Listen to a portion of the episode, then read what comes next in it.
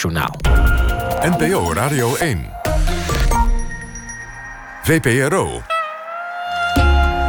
Nooit meer slapen.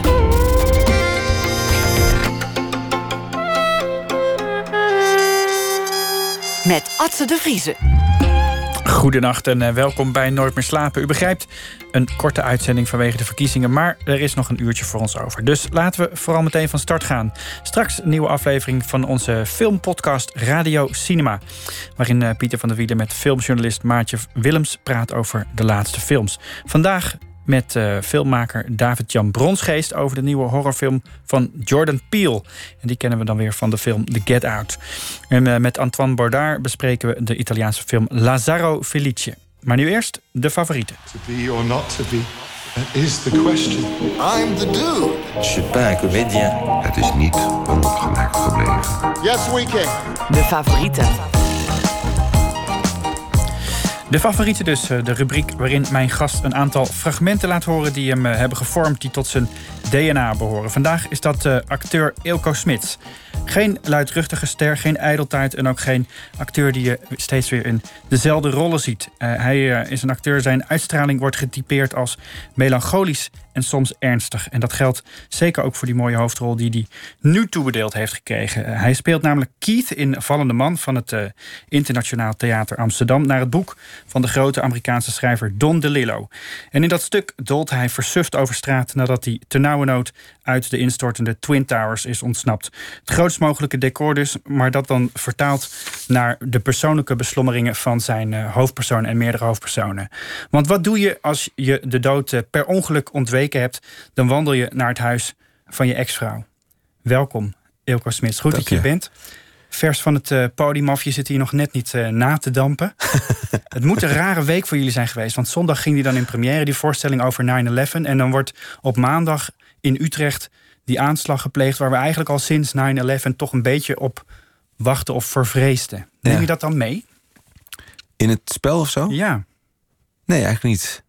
Nee, omdat 9-11 is zo anders. Is zo uh, iconisch. Is inmiddels zo iconisch dat, dat een andere. Weet het voelt anders. Een andere orde, apocalyptischer. Ja.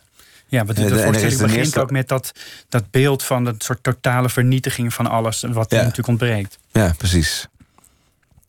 En toch, en toch ook wel, neem ik aan, dat, er, dat je toch op een andere manier kijkt naar dat nieuws wat je dan, uh, wat je dan meekijkt. Ja, het was. Ik moest die dag lesgeven op de toneelschool. En er was een meisje dat daar heel bang voor was. Voor, die was inderdaad sinds 9-11 bang voor terroristische aanslagen. Of zij was toen nog maar heel klein. En die had dat dus, dus die dag. Ja, dat ging dan niet zozeer over terrorisme, maar over ja, ook weer wel. Ja, die was daar meer mee, die was er echt mee bezig, inderdaad. Dat had ik niet zo. Ja, het is iets van eigenlijk, uh, dit, dit zat erin ooit een dag en dan. Uh... Ja, maar nogmaals, ik vond het van een andere orde. Ja. Ja. Die voorstelling, wat ik al zei, die gaat dus over wat, wat je dan eigenlijk in zo'n chaotisch moment, als alles om je heen letterlijk instort, doet. En dan ga je dus, uh, ja, dan ga je dus uh, uitgerekend toe naar degene waar, van wiens pad je per ongeluk afgeweken bent. Dat is eigenlijk het uitgangspunt van die voorstelling. Ja. Kun je je voorstellen dat je dat ook zou doen? Ja, absoluut. Ja. Dat je, dat je instinctief loopt naar iets waar je het laatst toe loopt naar iemand waar je het laatst intiem mee was of je veilig bij voelde ongeacht hoe de situatie op dat moment is. Dat snap ik heel goed. Ja. Wat is het voor een uh, personage dat je speelt? Uh, ja, het is iemand die. Wat ik. Die dus inderdaad de aanslag meemaakt in de, in, in, op de Twin Towers. En die uh, daarna eigenlijk niet meer. geen grip op zijn leven verliest. Iemand die. en niet meer, er niet meer wil zijn. Eigenlijk in een depressie terechtkomt. Maar niet zozeer niet zozeer. Um, hij is niet meer bezig met wat hij heeft meegemaakt. Hij, is, hij heeft het beleefd. Vanaf dat moment is hij eigenlijk. Hij is niet meer bang voor een aanslag omdat hij erin zat. De mensen om hem heen, bijvoorbeeld zijn ex-vrouw, probeert het te begrijpen. Die wil met mensen erover praten. Die wil snappen wat het is en hoe ze het door moet en wat er nu moet gebeuren. En Keith zat erin, dus die is leeg. En die wil alleen nog maar. Hij pokert. Dat is dat, dat, en hij wil alleen nog maar. Hij gaat naar Las Vegas. Hij wil alleen nog maar pokeren in de woestijn. Hij wil niet meer bestaan eigenlijk. Dat is een beetje de ultieme leegheid ja. uh, wat dat betreft. Hè? Ja. ja, er zit een heel gek soort contrast tussen die twee rollen. Die twee hoofdrollen. Die man Ja. en die vrouw die elkaar ja, toch op de een of andere manier weer opzoeken. Zij die inderdaad maar probeert te sleuren en te praten. En jij die ehm, ja, het soort passief. Je wil niet meer Terwijl je praten. tegelijkertijd heb je het initiatief genomen als, als man om, om terug te keren bij de Ja. plek die je verlaten hebt. Hij wil eigenlijk het liefst bij haar zijn, maar, ze maar hij wil niet dat ze praat. Zij wil nergens over praten. Fascinerend. Ja, om, vind ik om ook ook. te zien hoe op zo'n soort wanhopige poging dan toch iets van intimiteit kan. Ja, omdat ze elkaar zo goed kennen en ze hebben een kind. Ja. Ehm, hoe is het eigenlijk om dan de hele avond zo'n beetje met je rug naar het publiek of half buiten het zicht van je, van je publiek te staan spelen op het toneel? Want dat is niet wat je gewend bent, lijkt me. Nee, zit, dat is. Ik vind dat wel bevrijdend eigenlijk. Ik had het met een collega over het voor begonnen dat ik minder zenuwachtig voelde me minder zenuwachtig omdat ik het publiek minder voel. Dus eh, ze zijn er wel en dat weet ik wel, maar het is minder. Er zit een, zit een muur voor of een stuk glas. Of, Letterlijk, een Ja. muur. Het hele ja, het, toneel dus- staat vol met decors. Ja, precies. Je zit eigenlijk, je kijkt naar verschillende appartementen eigenlijk. Sommige kun je inkijken, sommige niet. Soms schuift er een filmdoek voor, soms niet. Dus mijn contact met het publiek is anders, ook omdat alles wordt gefilmd. Dus ik ben veel meer aan het camera acteren eigenlijk dan dat ik bezig ben met hoe het overkomt op hoe ik mijn, wat ik zeg over, overbreng naar rij 14, 15 bij wijze van spreken. Dus het gaat allemaal via de camera. Ja, er is, er is eigenlijk een soort filmset op het podium gebouwd. Nou ben jij eh, niet, niet het type acteur dat in eh, de ene na de andere speelfilm opduikt. Het toneel lijkt toch meer je Mhm. terrein te zijn. En nu is, zit je dus eigenlijk in een soort van live speelfilm. Want dat is eigenlijk wat dit is. Ja, klopt. Ja, het is natuurlijk nog steeds theater, want het is in een theater en mensen zitten in een zaal. En ik ben nog steeds bezig met mijn tegenspeler. Dus in die zin is dat acteren niet zo anders. Maar het is wel anders, ja. ja. Heb je dat eerder op deze manier, in deze vorm gedaan? Nee, ik heb wel vaker in voorstellingen gestaan waar video in zat, maar die registreerden dan alleen maar wat we deden. En nu zijn we echt ook aan het camera acteren, meer dan anders. Het is veel eh filmischer. Ja. Hoe werkt dat? Wat, wat is er anders aan als acteur? Nou, bijvoorbeeld alleen al hoe, je, hoe ik praat. Ik kan hier veel zachter praten. Ik heb een zendmicrofoon en de camera is heel dichtbij en het is allemaal veel kleiner. En eh, we hebben wel vaker zendmicrofoons, maar als ik, als ik bijvoorbeeld als ik Shakespeare, als we Shakespeare spelen of eh, iets al, weet ik veel, iets wat, waar de taal heel gezwollen is of, of eh, eh, hoe noem je dat? Dit is echt spreektaal. En als dat niet zo is, dan ben je veel meer. Dan moet je dat op een andere manier overbrengen. Nu is het, nu is het veel natureller eigenlijk.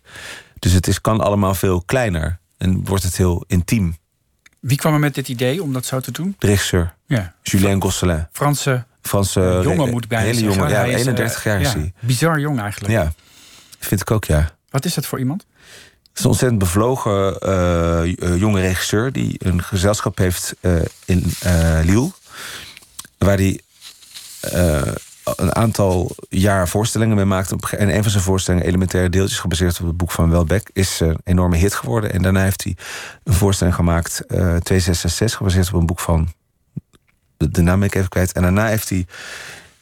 eh dat was een tien uur durende voorstelling, geloof ik. En nu daarna heeft hij drie boeken van De Lillo gedaan. Don De Lillo. En dit is het vierde boek wat hij doet. En dat is bij elkaar ook iets van tien uur. Dus een jongen die niet, de grote gebaar niet schuwt. En grote middelen. En eh, heel veel lef heeft. Heel goed weet wat hij wil. Heel bevlogen is. Ja, dat is heel leuk om met hem te werken. Ja, dat kan ik me voorstellen. Ja. Is dat dan gek? Want hij, is natuurlijk, hij spreekt Frans, hij zal Engels ook spreken. Ja. Is dat anders dan met een Nederlandse regisseur te werken? Ja, het is anders omdat ehm, iemand die de taal niet spreekt. Kijk, hij heeft het script staat aan de ene kant staat de Nederlandse tekst, aan de andere kant de Franse tekst. En hij ziet wel. Hij ziet wat we doen, maar hij hoort niet, wat, echt, niet echt wat we zeggen. Maar daardoor kan hij ook sneller. Kijk, soms zegt hij: Ik kan het niet verstaan, maar ik zie dat het niet klopt. Weet je wel? Dus die kijkt anders. Dat is bijvoorbeeld anders dan met Nederlandse regisseurs werken. Laten we naar de fragmenten toe gaan. Want je hebt Ja. een paar mooie fragmenten uitgekozen. Eén daarvan begint dicht bij huis. Namelijk met een voorstelling waar je zelf Ja, in speelde. Angels in America van eh, eh, toneelgroep Amsterdam, zoals het toen nog heette. ja is een klopt. voorstelling die heel lang liep. Van 2008 tot eh, 2015. Ja. Dat is zo'n beetje jouw hele loopbaan bij die. eh, Ja, daarom. En dus toen, toen me werd gevraagd... wat is nou een voorstelling die me aan het hart is gebakken... of waar, waar ik eh, dat soort... ehm, ja, dat kwam ik echt bij die uit. Zullen we eerst de fragmenten even Ja. beluisteren? Angels in America, toneelgroep Amsterdam. pijnlijk, gezwollen, maar het been is beter. De misselijkheid is bijna weg met die kleine oranje pilletjes.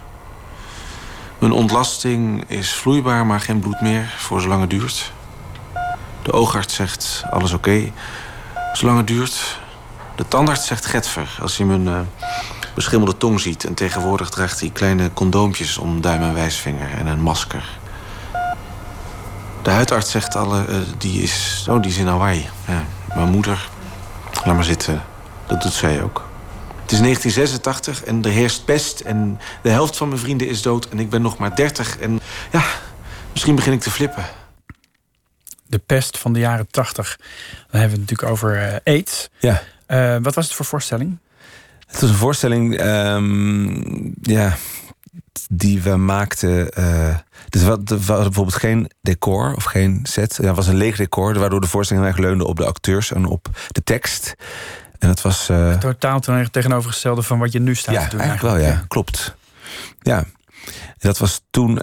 ehm, dat was de tweede keer dat het in Nederland was opgevoerd. Tien jaar daarvoor werd het het Roodtheater het gedaan. Het is een stuk wat zo... Eens in tien jaar zo wil iemand dat doen. En ehm, dat was toen eh, een fantastisch fijne voorstelling om te doen. En nu om aan terug te denken. En ik ben heel trots dat ik dat heb meegemaakt.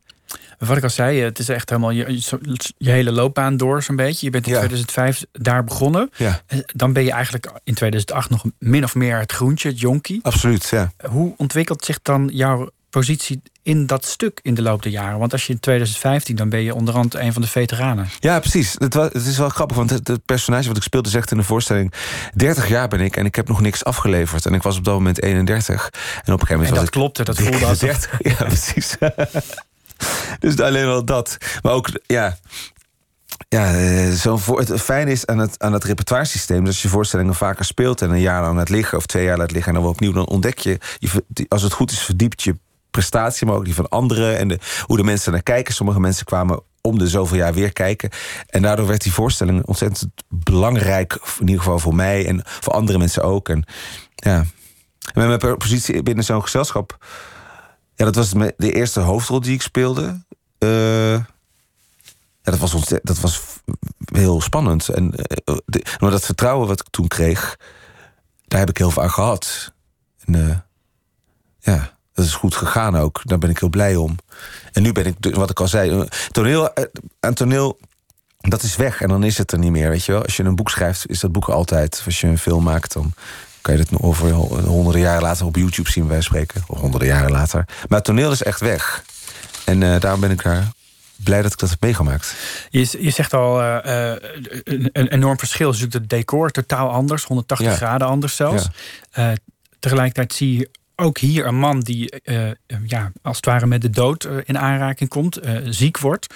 Zit er ook een verband tussen die twee personages uit, die nieuwe voorstelling en in die voorstelling? Nee, ik denk niet in de personages. Misschien in het feit dat het zich allebei afspeelt in New York. Dat het New Yorkse verhalen zijn.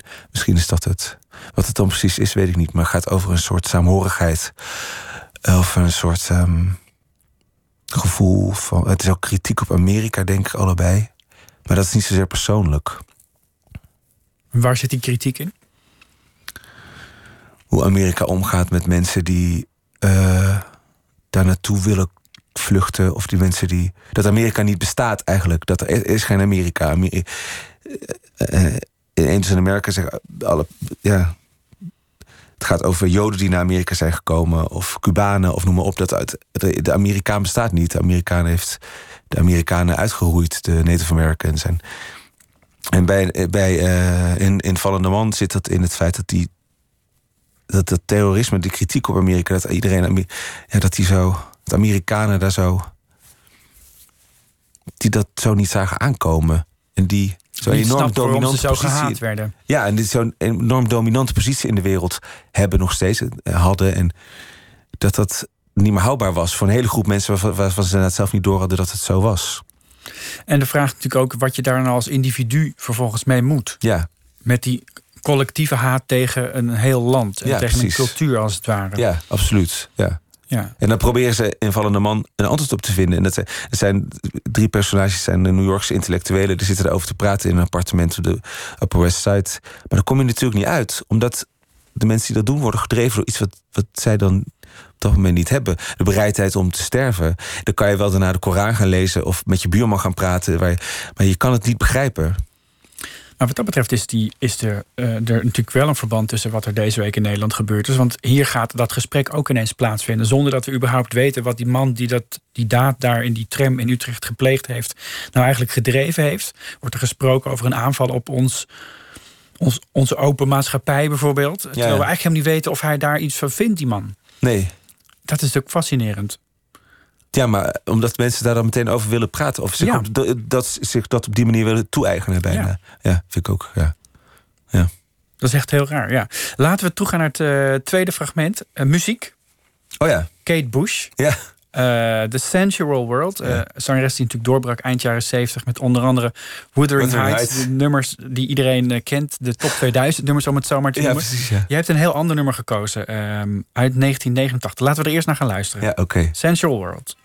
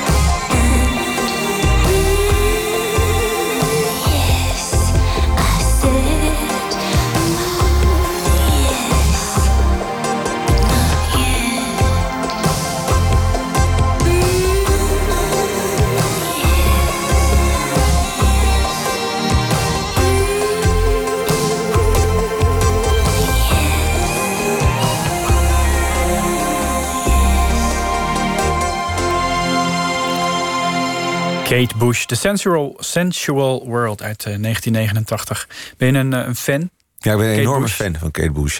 En ik wilde graag dit nummer laten horen... omdat mensen bij Kate Bush altijd alleen maar denken aan Wuthering Heights... en Running Up That Hill. Ja. en eh dan dacht ik, nou, dan krijg ik kans. En ik vind het namelijk haar mooiste nummer. Ja?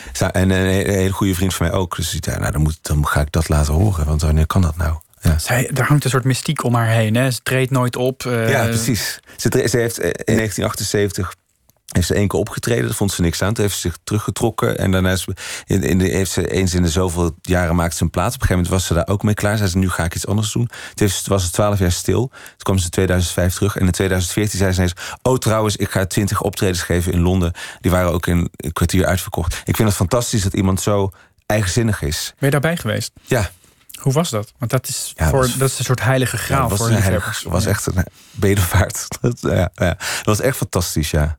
Ja. Wat was er zo mooi aan? Ehm, nou ja, het feit dat, dat ze daar stond en dat, ze, dat ik daarbij was. Ja, en, dat je, dat je, en iedereen die dat had. En op, op een gegeven moment, op het laatste, bij het laatste nummer had, zat zo'n oortje in, wat ze dan uitdeed. En dan liet ze ook de mensen zo. Ze voelde zo dat ze zo werd, dat mensen zo voor haar kwamen. Ze was echt oprecht ondaan van.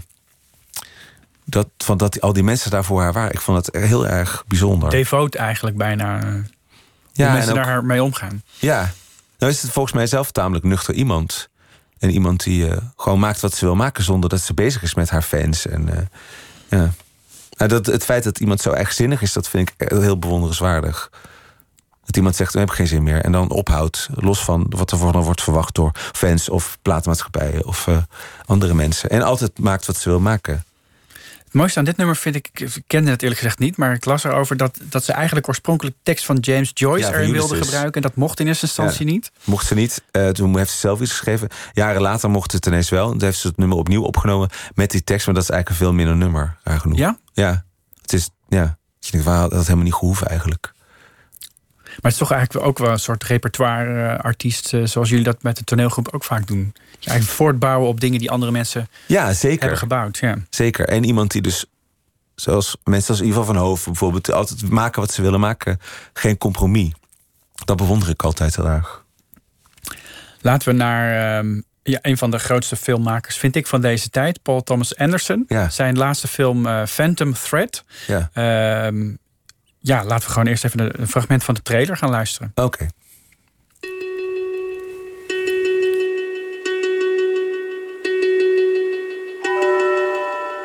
You can sew almost anything into the canvas of a coat. When I was a boy, I started to hide things in the linings of the garments. Things that only I knew were there. Secrets. Good morning. Will you have dinner with me? Yes. I feel as if I've been looking for you for a very long time. You look beautiful. Very beautiful. I have things I want to do. Things I simply cannot do without you. Reynolds has made my dreams come true, and I have given him what he desires most in return. Every piece of me. Ja, op basis van de trailer klinkt het als een eh, extreem romantische, bijna zoetsappige film. Nee, het is het niet. Niets is minder waar. Ja, ja, ja. Kun, kun je iets zeggen over waar die film over gaat? ja het gaat Zonder over een eh, de- de- de modeontwerper. eh, Ja, het is zo, zo moeilijk om de clue niet te vers- Ja. verklappen bij dit verhaal. Maar Ja, precies. Een modeontwerper in de jaren 50, gespeeld door Daniel Day-Lewis. ehm, wordt, krijgt een relatie met, een, met zijn muze of een, meisje wat model voor hem staat. En die twee, hij is eigenlijk veel te afgesloten, eigenzinnig, eh, bijna autistisch om een relatie met haar te hebben. Op een bepaald, op, op, een bepaalde, op een bepaald moment vindt zij een manier om toch eigenlijk. Zij wordt op een bepaald moment ziek en dan kan ze hem verzorgen. En dan ik ga het toch een beetje gewoon verklappen. Het is één uur s'nachts.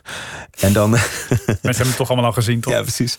En dan, eh, het zijn- eh, en dat, dan wordt hij ineens heel zacht en kan ze hem bereiken. En op een gegeven moment krijgt ze een soort pact dat zij hem om de zoveel tijd vergiftigt. Heel klein beetje vergiftigt met paddenstoelen. Maakt bouwt ze een omelet voor hem. En dan wordt hij zacht en dan kan ze bij hem. En ik vond het zo fantastisch dat je dus.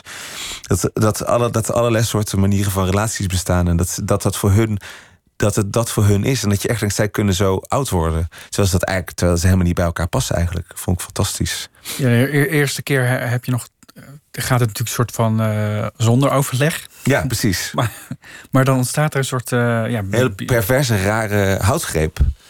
Wat, wat een relatie natuurlijk altijd is. en op het laatst dat, dan weet hij dat ze dat gaat doen. En ja, ik vond het echt... Ik had het ook helemaal niet aanzien komen toen ik die film zag. Want dat je inderdaad denkt het gaat over andere dingen. Ja. Dat is- hele donkere vond ik heel mooi eraan. Het is echt spelen op de vierkante meter ook voor de acteurs. Hè? Ja, ik, Zo intiem. Ja, het is heel intiem. En ik vind Daniel Day-Lewis vind ik grappig. Want ik ben altijd, ik ben nooit zo ontzettend fan van hem. Ja, hij is natuurlijk een fantastische acteur, maar hij pakt altijd zo uit. Zeker in bijvoorbeeld in There Will Be Blood, ook van Paul Thomas Anderson. Maar dit is zo. Hier speelt hij eigenlijk gewoon een normale man, eigenlijk. Maar het is zo knap. En ook dat meisje vind ik zo knap. Dat meisje wat zijn vriendin speelt zo. Omdat die hebben, op een bepaald moment hebben ze ruzie. En hij is dan een grote kunstenaar. En zij is een, eigenlijk een serveerster. Serveerster die dan... En zij kan hem ook... Zij kan niet ruzie maken met hem. Dat vind ik zo ontroerend. En hij is dan heel sterk met woorden. En zij kan alleen maar dat niet begrijpen. Ja, dat vond ik hartverscheurend mooi. Mooie muziek ook. Van, Fantastische eh, muziek Johnny van Johnny Greenwood, van. Radiohead. Ja, Ja, ja, fantastisch. ja, ja. Laten we naar het laatste fragment toe gaan. En dat eh, zit in een boek dat je voor je hebt liggen. Ja. Van eh, Derek Jarman, ook een filmmaker. Ook een maar, filmmaker, Maar dit ja. is een boek. Eh, het heet Modern Nature. Ja, ik ken eigenlijk zijn films niet. Ik weet Nee. dat ze bestaan en ik heb wel eens een stuk gezien, maar ik vind ze eigenlijk heel, eigenlijk heel saai en heel droog. Maar Derek Jarman is dus een filmmaker die ook, die kreeg ook aids in de jaren negentig. En die heeft op een bepaald moment, hij woonde in Londen, toen vond hij in Dungeness, eh, dat is in het zuiden van Engeland aan de kust, bij, bij de kerncentrale vond hij een cottage. Die heeft hij gekocht en daar is hij een tuin begonnen. Een tuin naast een kerncentrale. Precies, die helemaal niet kon bestaan. Door, die ging steeds kapot door de, door de regen en door het zout in de wind, et cetera, et cetera. En dat is, vond ik zo, dat zijn dagboeken. Dat Modern Nature heeft daarna er nog een, heeft hij, eh, is uitgebracht, Smiling in Slow Motion, maar dat gaat echt tot aan zijn dood. En ik vind het zo mooi dat hij dus die tuin heeft en alleen maar, eigenlijk alleen maar daar wil zijn en wil opgaan in die tuin. En zo dat, dus hij, ja. Aan de ene kant maakt hij dus die films, dat wordt eigenlijk steeds minder belangrijk voor hem. Het wordt steeds meer belangrijk om in die tuin te zijn, om bij vrienden te zijn, om om te gaan met die ziekte. Dat en dat, ja, ik vond, ja, ik vond het echt, ik was echt onder de indruk. En ik neem het echt af en toe bij. Bijvoorbeeld in een voorstelling zit ik steeds een boek te lezen, een klein leven voorstelling. Dan heb ik ook dat boek, omdat ik echt, je kan el- alles, elke pagina open doen, dan staat er weer een fantastische observatie in over de natuur, over Londen in de jaren negentig, wat ik ook altijd leuk vind. Die tijd, weet je wel, die, Maar je zit dan ook echt te lezen dus, in zo'n voorstelling. ja, dat is natuurlijk wel echt te lezen. Ja, daar, met zijn dagboek, hè, dus niet dat ik. eh, Dat je een hele roman zit te tikken. ik Lees een fragment zou ik zeggen. Dirk eh. Jarman Het uit is in het Engels. 1991. Ja. Uh, Monday, November 6th. A still frosty morning. Sun bright on the glittering shingle. Not a cloud in, in the sky and very cold. Well wrapped, I walk to the beach. I love the mornings here. Up with the sunshine, cups of coffee, steaming porridge and toast. The quiet is overwhelming after the snarling traffic of the Charing Cross Road. Only a year old, the garden looks as if it has been here as long as the house.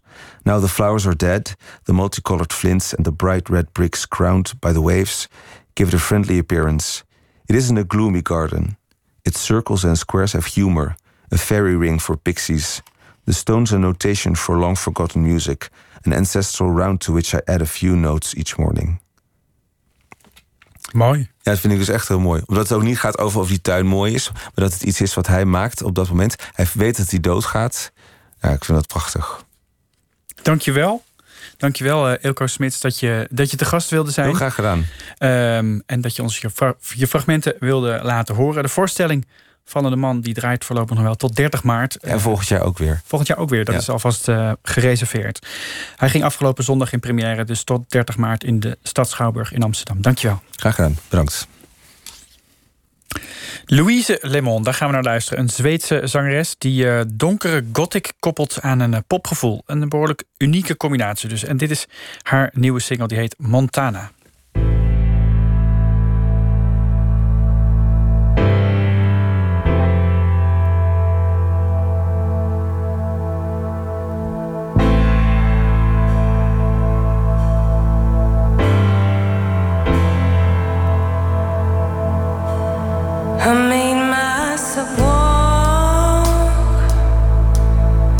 dragging my heart behind. There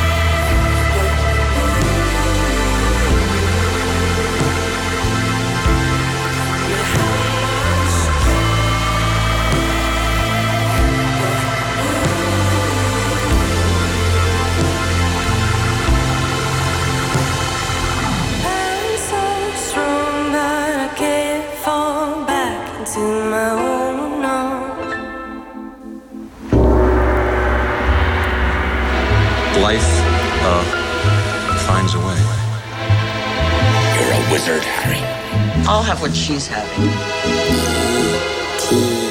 What do you want? It's not that simple. What do you want? Radio Cinema. Het is uh, tijd voor Breedbeeld Radio, Radio Cinema, de wekelijkse podcast over film. Twee nieuwe films die in de bioscoop te zien zijn. Lazaro Felice, een 21ste eeuwse bijbelvertelling over uh, opstaan uit de dood en andere bijbelse thema's. Het goed, het kwaad en natuurlijk een wolf. Bespreken we zo meteen met Antoine Baudard. David-Jan Bronsgeest is aangeschoven, filmmaker die aan zijn eigen Hollywoodfilm werkt. Uh, een horrorfilm ook, want we gaan het hebben over de film Us van Jordan Peele, bekend geworden met Get Out.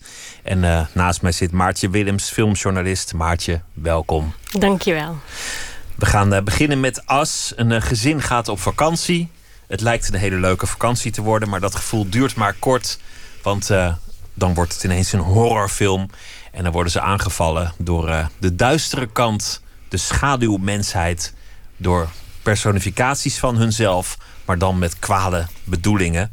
Een film van Jordan Peele, er is lang naar uitgekeken naar deze film. Ja, in 2017 brak hij zeg maar, als uh, regisseur door met Get Out. En dat was voor iedereen een, een aangename verrassing.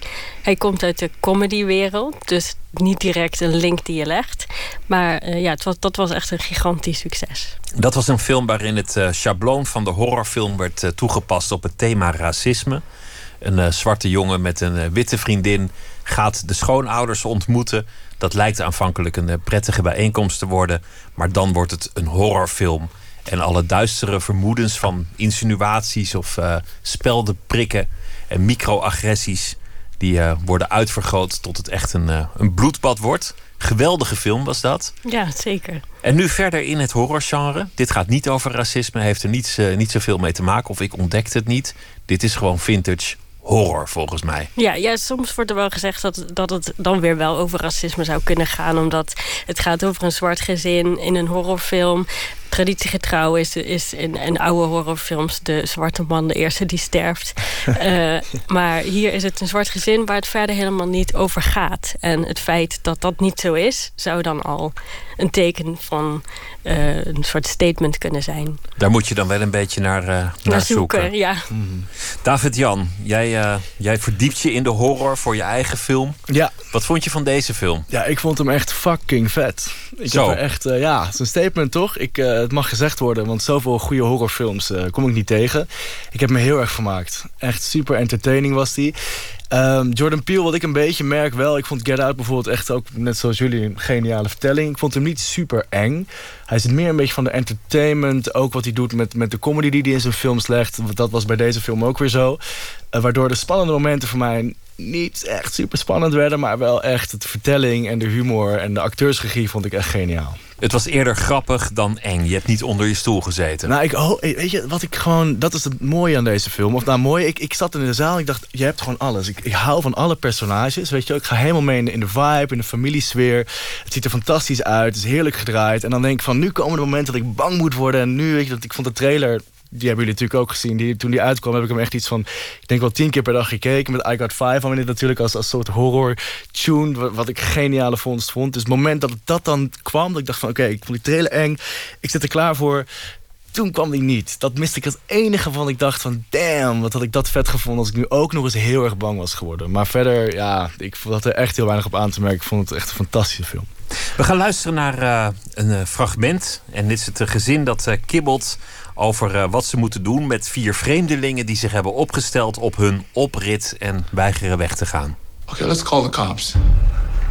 I did. They're 14 minutes away. What? 14 minutes? Okay, okay, okay, okay, okay, okay. Okay, okay. Jason, give me the bat. What bat? The baseball bat, the bat. There's one in the Here, here. Thank you. Gabe. All right, hold on. I got this. Let's try this again. Gabe. No, no, no, no, no, no, no, no, no. All right. I got Gabe. this. I got this. En vanaf daar gaat het uh, helemaal mis met deze vreemdelingen. Want die vreemdelingen die hebben precies het uiterlijk van het gezin zelf. Het zijn eh, bijna exacte kopieën, maar dan de schaduwpersonen die in woede hebben geleefd, omdat zij altijd tot de schaduw veroordeeld waren, terwijl die mensen hun mooie American Dream konden uitleven. Alle, allerlei clichés en, en eh, schablonen van de horror die zitten erin. Er wordt ook eh, veel gerefereerd aan Jaws, middels een t-shirtje. Thriller van Michael Jackson. En er zitten zo meer van die kleine verwijzingen naar de filmgeschiedenis in. Wat, wat zijn eigenlijk de regels van de horror? Wat herkende jij daarvan? Ehm, ja, de regels waar hij. Wat ik, wat ik heel erg merk is dat hij ermee speelt. Dat hij er op een nieuwe manier mee om probeert te gaan. De humor erin verwerken. Uiteindelijk ook het verloop van de emotie. Dat je eerst echt heel erg hard aan het lachen bent. En dan één keer heel erg bang. En dan vervolgens weer een heel lekker rustig moment. Waardoor je weer met de familie mee gaat leven. Dat werkte heel goed in deze film. Ik vond dat hij dat goed deed. Ja, en de humor is ook niet overtrokken, vond ik. Soms wordt het dan flauw, zeker bij, Ja. bij horrorfilms. Maar Ja. dat vond ik hier helemaal niet. Nee, klopt. Nee, nee, nee zeker niet. Nee, het was eh, in dat opzicht heel goed geschreven ook vanuit hem. Ja. Wat, wat bijvoorbeeld heel geestig is, is dat er een, eh, een eh, computersysteem is dat op audiocommando werkt. Dus je, je, je roept de computer aan en je zegt doe het licht aan, doe het licht uit, stook de verwarming op. En die doet ook de muziek. Dan eh, vraagt de heer des huizes de Beach Boys aan. Maar als dan op een gegeven moment iemand zegt call the cops, dan gaat er een rap aan met eh fuck the cops. Ja, fuck the Fuck the police. Fuck the police. En, en dat, dat, soort, dat soort humor ver- verhoogt ook een beetje de suspense. Ja, ja. Maar, maar het is Maar je ook heel... breekt hem niet af. Dat vind ik wel knap. Ja. Het blijft spannend ondanks die humor.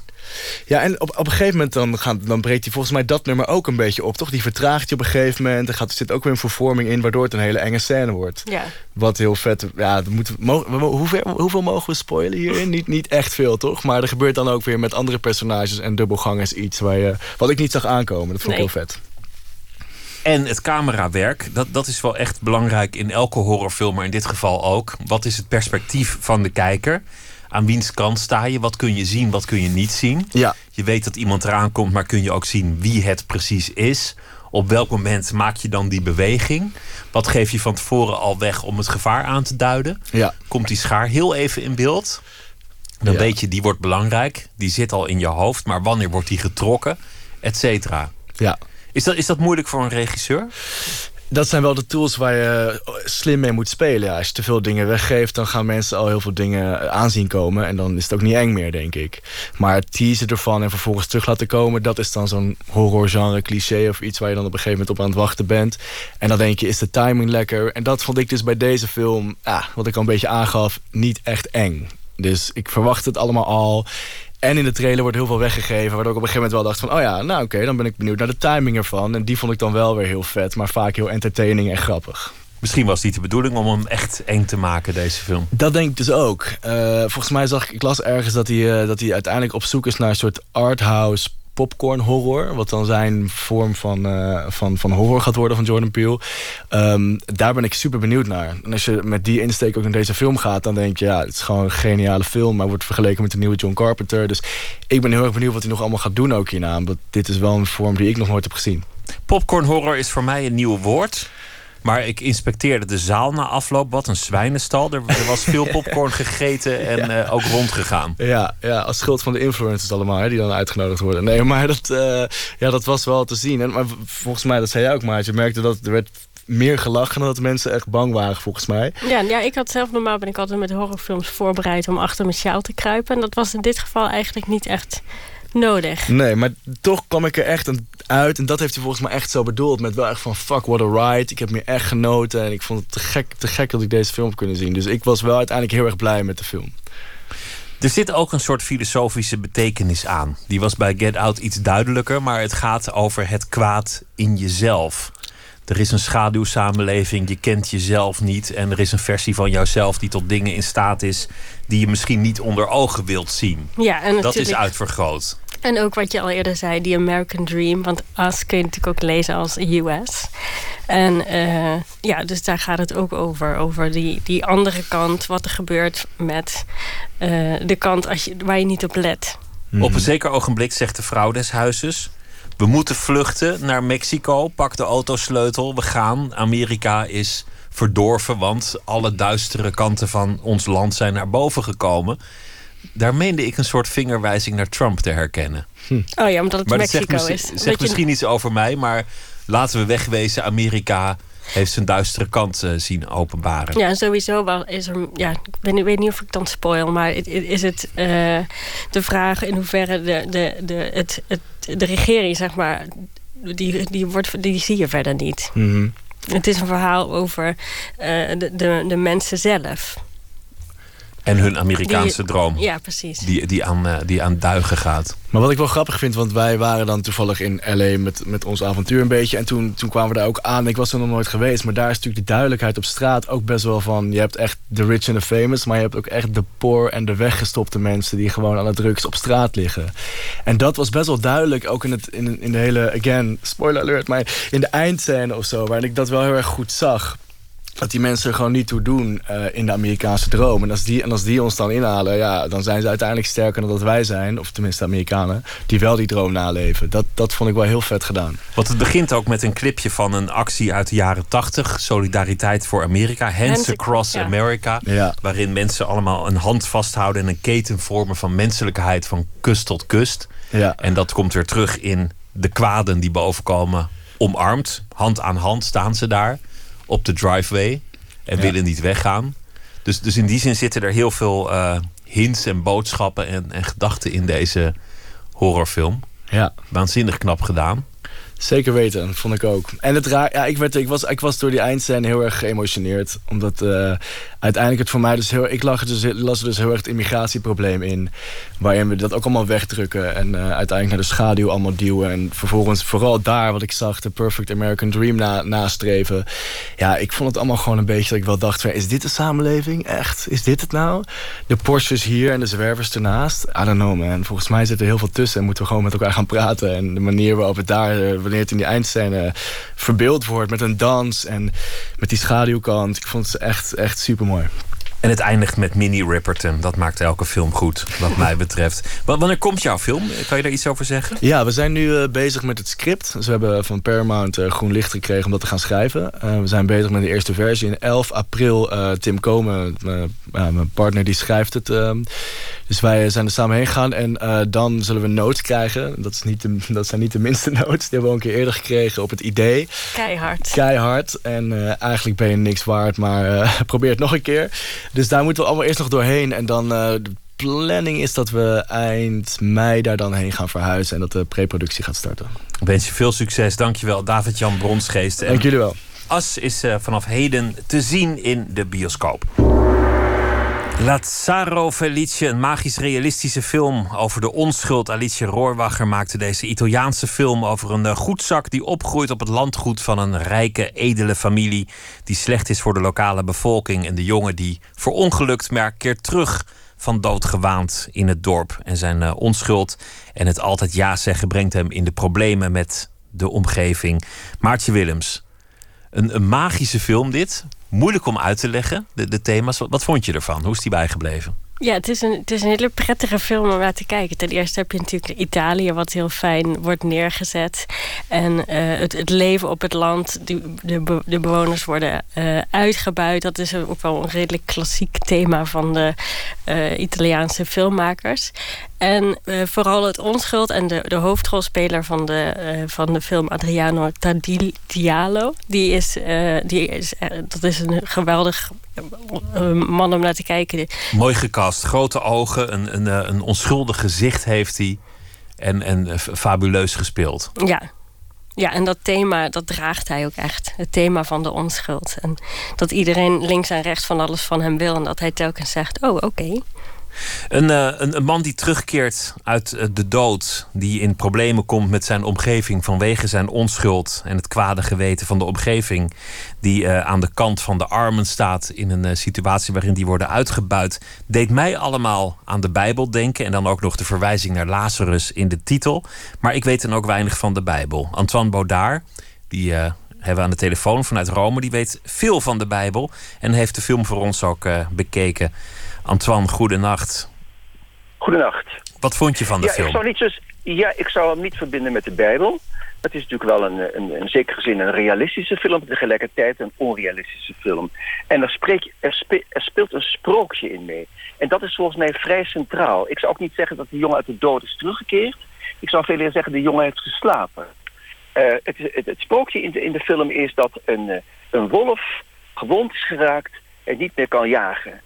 En de, uh, hij heeft verbinding met een heilige. En die heilige staat er voor die jongen. Uh, deze, deze jongen die de onschuld is. Uh, de heilige gaat op zoek naar die wolf. Maar raakt uitgeput. En de wolf vindt hem tenslotte. Deze, deze heilige. Maar hij doet hem niks.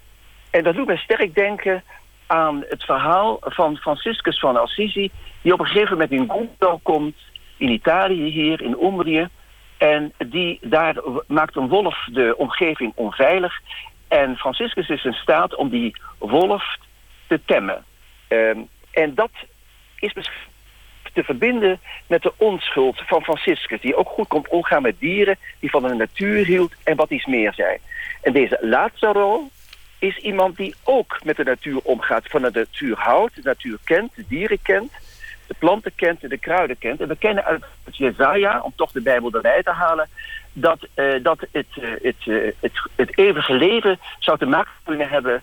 met het, gegeven dat de panter en de, en, de, en de slang... en ook de andere onschuldige dieren... dat die gewoon bij elkaar liggen. Zonder elkaar iets aan te doen. Met andere woorden, ik denk zeker dat Alice Roorwacher... enige geïnspireerd is geweest door de figuur Franciscus van Assisi. Nou ja, en dan vind ik van groot belang, ik bedoel, het is al genoemd uh, door Maartje dat, dat, dat de jongen zeer goed gecast is. Het is een jongen die, uh, dat zou ik hem ook nooit noemen een goed zak. Dat zou, ik vind ik bijna pijnlijk om te horen. Ik vind het een, eh, een onschuldige, een naïeve, een trouwe, een eenvoudige, een oprechte jongen. En zelfs heb ik eraan verbonden aan deze film... dat de onschuld tenslotte altijd de wereld ontwapent. Ja, en hij behoudt die onschuld ook, hè? Dat is, het, dat is het aparte, want de, meeste kinderen zijn onschuldig... maar op een gegeven moment verliezen ze dat weer... omdat ze door de realiteit worden geraakt, omdat ze gekwetst worden. En deze jongen niet. Nee, maar dat heeft natuurlijk alles te maken met het feit... of je de wereld alleen bekijkt vanuit het perspectief van het heden... of dat je de wereld ook bekijkt over de dood heen zoals Franciscus van Assisi dat ook gedaan heeft... en zoals Jezus Christus dat ook gedaan heeft. Het is dus typisch een film waar je de achtergrond van het christendom uh, moet kennen eigenlijk. Het verhaal van Lazarus, keert dat nog terug in de film? Herkende je dat? Nee, die jongen, die jongen heet wel Lazaro. Maar Lazarus is opgewekt door Jezus uit de doden. Maar deze jongen is helemaal niet opgewekt. Uh, we zien daar die, die prachtige scène dat hij beneden, naar beneden is gevallen. En dan op een gegeven moment blijken we in een andere tijd te zijn. En die wolf heeft honger. De wolf kijkt naar hem toe, besnuffelt hem en heeft honger, maar eet hem niet op. Hij komt in de problemen met de mensen om hem heen en wordt uiteindelijk gestraft voor zijn, voor zijn onschuld. Dat, dat lijkt bijna op het verhaal van Jezus Christus zelf. Ja, dus eh, dat, dat betekent dus toch dat, dat het toch gaat om die, om die onschuld. En hij weet niet dat hij, een, uh, dat hij wordt gehouden voor een, uh, voor een rofovervallen. Met andere woorden, als je, het, als je nog even op de wolf verifieert... we kennen de mensheid ook als een, de mens die de andere mens een wolf is. En uh, mensen zijn onderling agressief en we leven in een periode, en dat vind ik wel modern aan de film, dat we elkaar nog maar buitengemeen slecht verdragen. Dat, dat zien we in de directe samenleving van Nederland, maar ook in Italië. Uh, en wij kunnen niet geloven nog dat iemand onschuldig is wanneer hij een bank binnentreedt, in dit geval met zijn kattenpult, waarmee hij zegt dat, ik, dat hij een wapen heeft. Maar al met al ontwapent hij de kijker, althans mij als kijker, hoogelijk. Uh, wat ik het meest ontroerend vind in de film is dat hij zijn oude jeugdvriend terug, uh, uh, terugvindt. Een Tancredi, die de zoon is van de markiezin Alfonsina de Luna. die Tancredi heeft ooit gezegd hij, dat, dat ze wel eens halfbroers kunnen zijn... omdat zijn vader nogal vaak vreemd ging. En die vindt hij terug. En dan nodigt Tancredi die hele groep uit in zijn huis. En dan um, maar laat hij ze niet binnen. En dan zie je een traan bij deze jongen die in de, zo naar de maan kijkt s'nachts. Dat vind ik het meest trieste van de film. Omdat daarmee de onschuld, zoals u het noemt, gestraft wordt. Maar volgens mij betekent dat even goed. Als u dat doet denken aan Jezus Christus, dan zou u kunnen zeggen, inderdaad, dat zou u kunnen zeggen, zoals Jezus Christus voor de gelovigen uh, de wereld heeft verlost door zijn lijden en door zijn onschuld, zo, zo is deze persoon door Franciscus van Assisi heen gemodelleerd ook naar Christus, zou je kunnen zeggen. Maar Franciscus wordt ook altijd vereerd omdat hij zo op Christus wijst. Een film kortom uh, vol symboliek over, uh, over het kwaad, over onschuld, over uh, vergeving en over verdraagzaamheid. Een, een, een, film waar, waar ontzettend veel in zit. Een, een film die je zo drie keer zou kunnen bekijken. Hoeveel keren heeft u hem bekeken? Ik heb hem twee keer bekeken. Maar nou. ik heb het vooral, moet ik eerlijk zeggen, tot slot, het slot, nadat die jongen geweend heeft, dat, kon ik, dat die bankzijde wilde ik me één keer zien. Dat vind ik ook iets wat aan de kietserige kant, neem me niet kwalijk. En er komt nog iets anders bij. De, de, de, op een gegeven moment zijn die mensen in een kerk aangekomen. En er wordt orgel gespeeld. En hij is, hij is muzikaal, die jongen. En ze gaan die kerk binnen met een stel zwervers. Want er zijn natuurlijk arme mensen aan de rand van de samenleving. En als, dan wordt hij dus door een of andere non worden ze uit de kerk gestuurd. Nou, als je dus niet gestoord wilt worden in een kerk... waar je muziek luistert dan doe je de deur op slot. Dus nogal, dat vind ik al een beetje, nou ja, een beetje onzinnig. Maar goed, dat zijn details. De hoofdzaak, ik zou ook iedereen die film aanbevelen... juist omdat, zoals u zegt, die film zoveel lagen heeft. Ja, je kan er heel veel in herkennen, hè? Ja, ik vond het een, een, prachtige, betoverende film. Lazaro Felice. Antoine Baudard, dank dat, uh, voor deze bespreking van deze film. En uh, een prettige dag nog al daar in, uh, in Rome. Tot ziens. Dank u zeer. Tot ziens. Tot ziens. Maartje, nou, dat was een, uh, een, een, mooie score. Kortom, Lazaro Felice is een, uh, een film om te gaan bekijken. Ja, magisch. En, en, en de, dro de droom en het sprookje. Gewoon je laten meevoeren in dit. Uh, Ook leuk om na te bespreken, denk ik, met mensen. Daarna naar het café. Um, Dankjewel, uh, Maartje Willemsen ook. En uh, dit was uh, Radio Cinema voor deze week. Volgende week dan zijn we er weer met twee nieuwe films... waaronder het verhaal van de vliegende olifant Dambo. Daar verheugen we ons al enorm op. Dank. Zeker, de remake van Dumbo dus. We gaan door met Yola, Ride Out in the Country.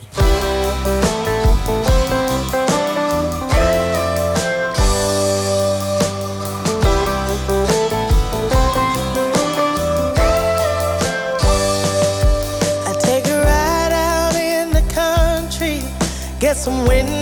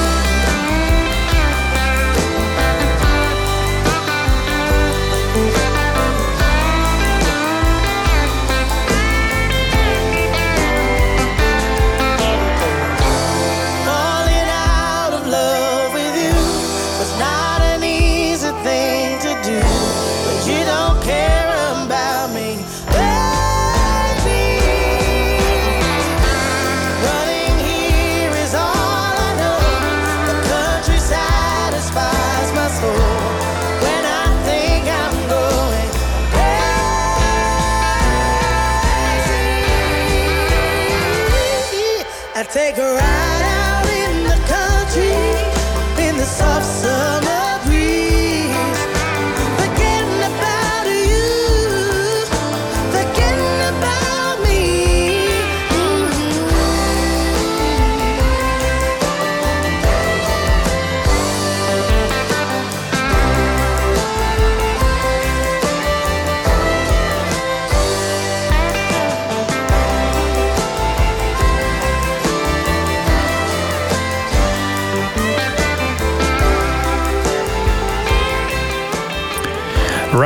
in the Country was dat eh, van uh, Jola. Dan uh, morgen Pieter van der Wieler die praat dan uh, met muzikant Jelle Paulusma. Bekend geworden in de jaren 90 als uh, voorman van de band Daryl N.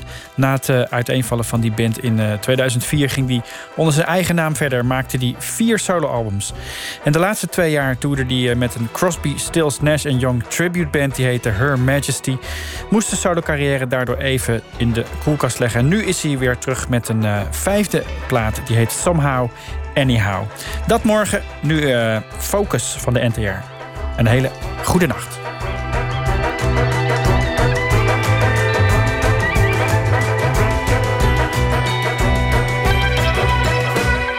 Op Radio 1, het nieuws van alle kanten.